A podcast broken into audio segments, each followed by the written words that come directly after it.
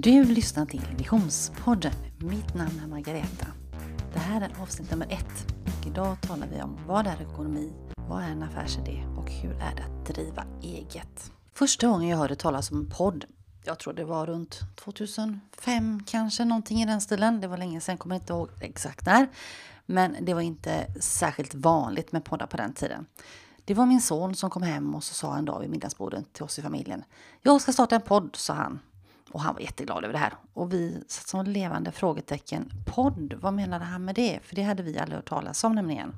Jo, förklarade han då, en podd där är så att man kan lyssna på folk som berättar saker och de kan tala om hur man kan göra saker, började man säga. Eller om man vill börja lära sig att springa så kan man ha en podd och så förklarar man hur man då ska bli löpare och, och han hade massa saker. Men vi, vi förstod fortfarande ingenting för att eh, i och med att det inte var vanligt då så tänkte jag men det kan vi väl läsa i en tidning eller i en bok eller se på en videoband eller något sånt där. Så vi såg inte riktigt storheten i det just då. Men han var helt övertygad att det här kommer att bli jättestort. Och han spelade in en provpodd med hur man då blir en löpare då, man så här börjar löpa. Sånt finns ju mycket av idag. Eh, och jag har faktiskt kvar den här nu, den är riktigt trevlig. Men det var första gången vi stötte ihop det här ordet med podd då. Eh, sen, blev, sen hade han ju många strängar på sin lyra så det blev väl inte av att han fortsatte att göra en podd utan han började med film och lite andra saker. Men idag nu då så kan man ju undra då varför startar man en podd nu när det finns så hemskt mycket podd. Jag har ju gått och lurat på det här med podd i flera år men det har liksom inte blivit av. För jag har liksom tänkt så här, vem ska vilja lyssna på mig och vad ska jag prata om? Och, och det har liksom tillfället har inte riktigt känts rätt på något sätt. Men det var nu under corona då. För att när corona kom då för något år sedan här, eller ett och ett halvt är det väl nu, eller är det nästan två år sedan? Ja, vilket fall som helst. Då var det ju så att många av mina klienter blev väldigt, väldigt oroliga när allting stängdes ner och det påverkade deras företag. Vi hade mycket diskussioner om det här och det var verkligen, solen hade verkligen gått ner. Men många fick ju då en del fick ju då lite bidrag och sådär och, och kunde komma vidare och hanka sig fram. Och ju mer tiden gick så märkte jag att de företagarna då som hade liksom en stabil grund och som hade Ja, det beror också vilken verksamhet man är såklart. Men de som hade lite idéer just med det här digitala och som var förändringsbara som kunde ställa om sin verksamhet lite snabbt. Det kan man ju såklart inte göra om man har en restaurang eller en affär.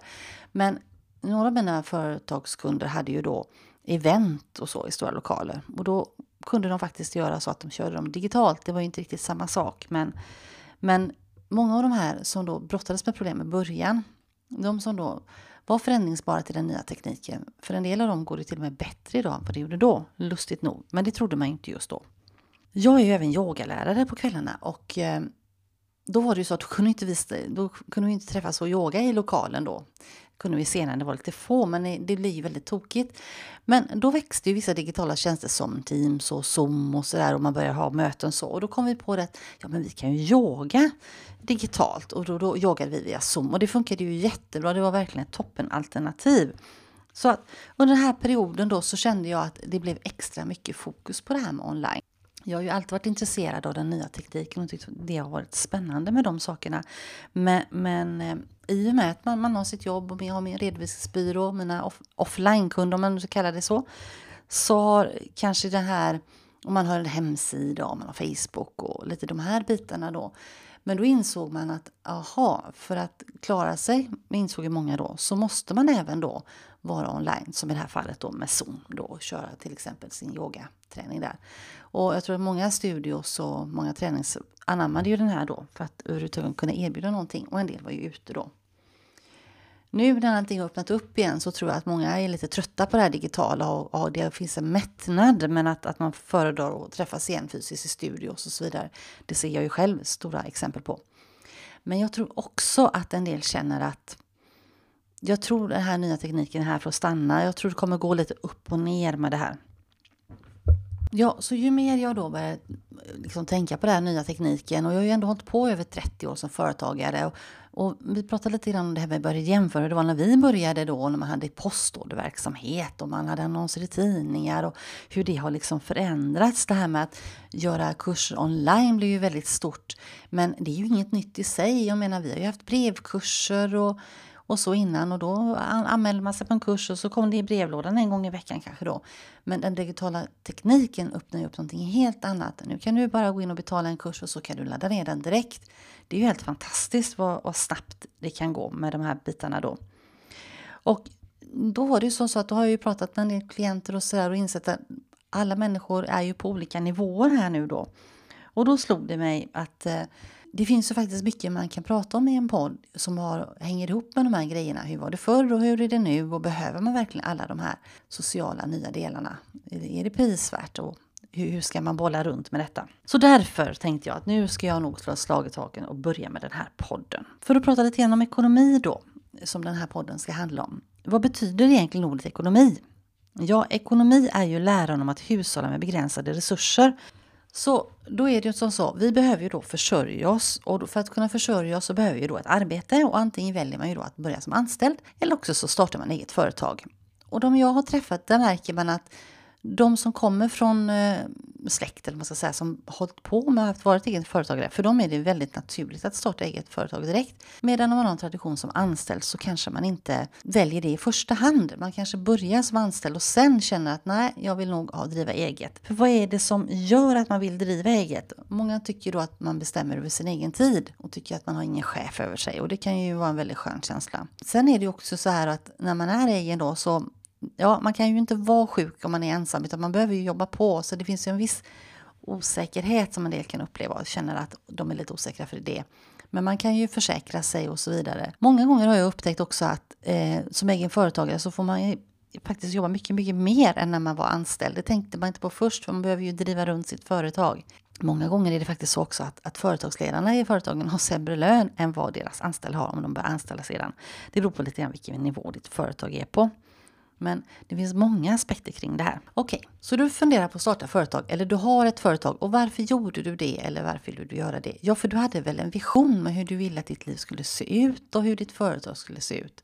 Och syftet med det du gjorde. Jag vill inte bara det här, jag vill inte vara anställd utan det fanns säkert en tanke med när du började. Och den här tanken och den här visionen leder ju vidare till din affärsidé. Och vad är då din affärsidé? Och det är väldigt många gånger jag möter det med mina klienter när de ska söka banklån och då behöver de göra en budget och så behöver de ha sin affärsidé. Och då kommer de till mig och så säger de kan du hjälpa mig med en budget? Och det är ju inte konstigt för det är ju det jag hjälper till med. Men sen säger de vad är min affärsidé?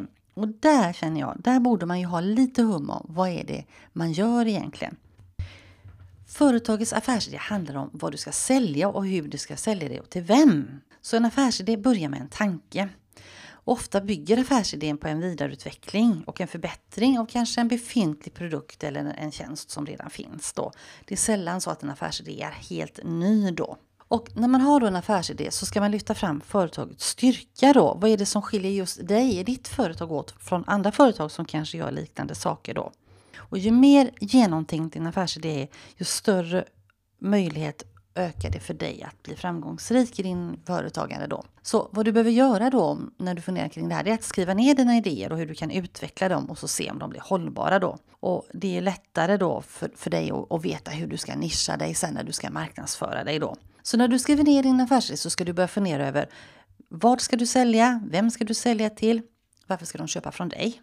Hur ska du nå dina kunder och hur kan du tjäna pengar? Och även om du driver företag idag och kanske inte har en renodlad affärsidé så sätt dig några minuter och fundera på de här bitarna. Vad är, hur, vad är det du gör idag? Och för dig som funderar att starta eget bör du tänka igenom de här bitarna innan då. Men allt börjar med din vision skulle jag vilja säga. Det här med affärsidé, den kommer kanske förändras under tiden. Det kan ju vara så att du utvecklar någonting annat i ditt företagande. Men om vi ska ta det väldigt, väldigt enkelt. Du är damfrisör.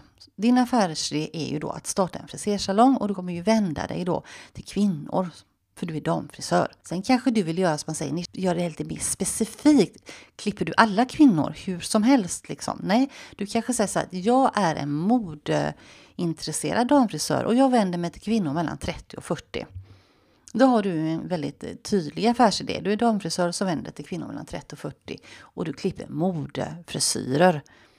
För du, du har hela tiden utbildningar från det senaste, från Paris eller vad det nu kan vara. När du sen då ska marknadsföra sig, då är det ju mycket lättare för dig. Då, då lägger du kanske inte en lapp i brevlådan till alla människor eller skickar ut, utan då begränsar du ditt urval då till kvinnor som är mellan 30 och 40. Det blir ju genast lite enklare då. Sen kanske det blir så med tiden att du eh, går en ny kurs och då är det som så att eh, den, du kan kanske klipper till någon annan då som känner att Nej, men jag ska nog inte bara vända mig till mellan 30 och 40, jag kanske ska vända mig mellan 30 och 60. Ja, då har du ju vidareutvecklat din affärsidé. Så att sin affärsidé kan man ju faktiskt se över lite grann då och då för att se att man håller sig på banan. När jag frågar en del vad är din affärsidé så säger de har ingen aning. Fast om man tänker efter så vet man då innerst inne det. Och det kan vara bra att fundera över de här sakerna så att man lätt kan säga det. För frågan om vad du gör, nu tog jag ett väldigt enkelt exempel, damfrisör. Vi sätter ju konsult i någonting lite mer komplicerat. Då är det mycket enklare för dig att få nya kunder om du faktiskt kan berätta vad det är du gör. Så under den här månaden nu kommer jag att samtala med, med två kvinnor. Har det stumpat sig som är i någon liknande bransch inom hälsa. Eh, nästa vecka så ska vi träffa Ninna. Och hon är en spännande kvinna. Och hon bytte från ett, att vara anställd inom reklambranschen till att omskola sig med att starta eget och hon jobbar med medicinterapeut och lymfolog. Så hon började då som massageterapeut och sen har hon vidareutvecklat sig även som lymfolog. Och när man pratar med henne om det här med lymfologi så blir hon jätte... Hon brinner verkligen för detta ämnet, det märker man. Men det är också spännande tycker jag att ha haft ett jobb på en reklambyrå och sen byta en så totalt bransch. Så att missa inte detta avsnittet som kommer nästa vecka när jag pratar med Nina.